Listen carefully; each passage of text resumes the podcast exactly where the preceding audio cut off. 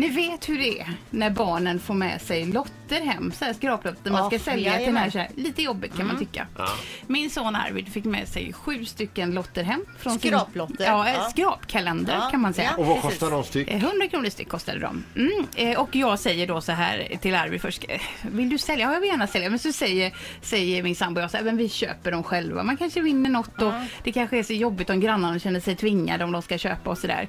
Eh, lotterna ligger då likt en solfjäder hemma på köksbordet. Vi ska åka iväg på lilla julafton. Trevlig inramning med hela min familj. Vi är en ganska stor familj.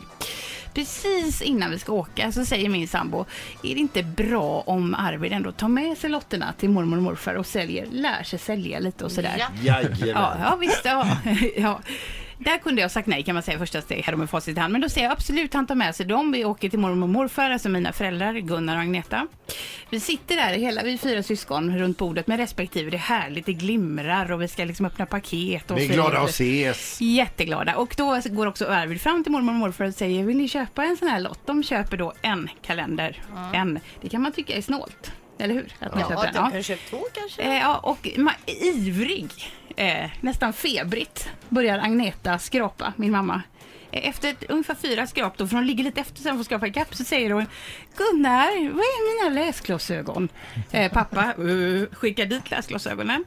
Och eh, sen så tittar de båda två och säger de, blir inte det 19? Eh, jag tror det var 19, ja. Jo, och alla, lotten skickas runt. De vann en bil.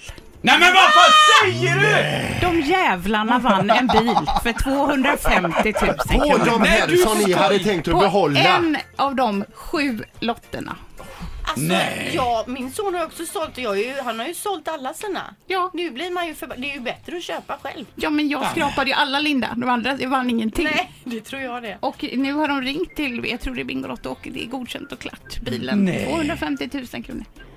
Och det är ju det som kallas för fingertoppskänsla av Annas föräldrar här. Att de utan sju lotter väljer ut den med vinst på, skrapar fram en bil. Va? Ja. Jag är så glad för Ja. deras skull och Man älskar ju sina föräldrar, fast man blir ju förbannad. Ja men ni kanske får låna den Ja, någon men det är gång om ni ska åka. förbannad. Vi skulle gå på restaurang och äta. Jag kände inte vad maten smakade på hela kvällen. Jag har varit ledsen. Alltså, är du inte lite glad för deras skull? då? Jag är jätteglad för deras skull. Och morfar, 87, sa med skakig, han kände ju av att jag var lite dåligt stämning. Det är ändå bra att vi höll det inom familjen. Ett poddtips från Podplay.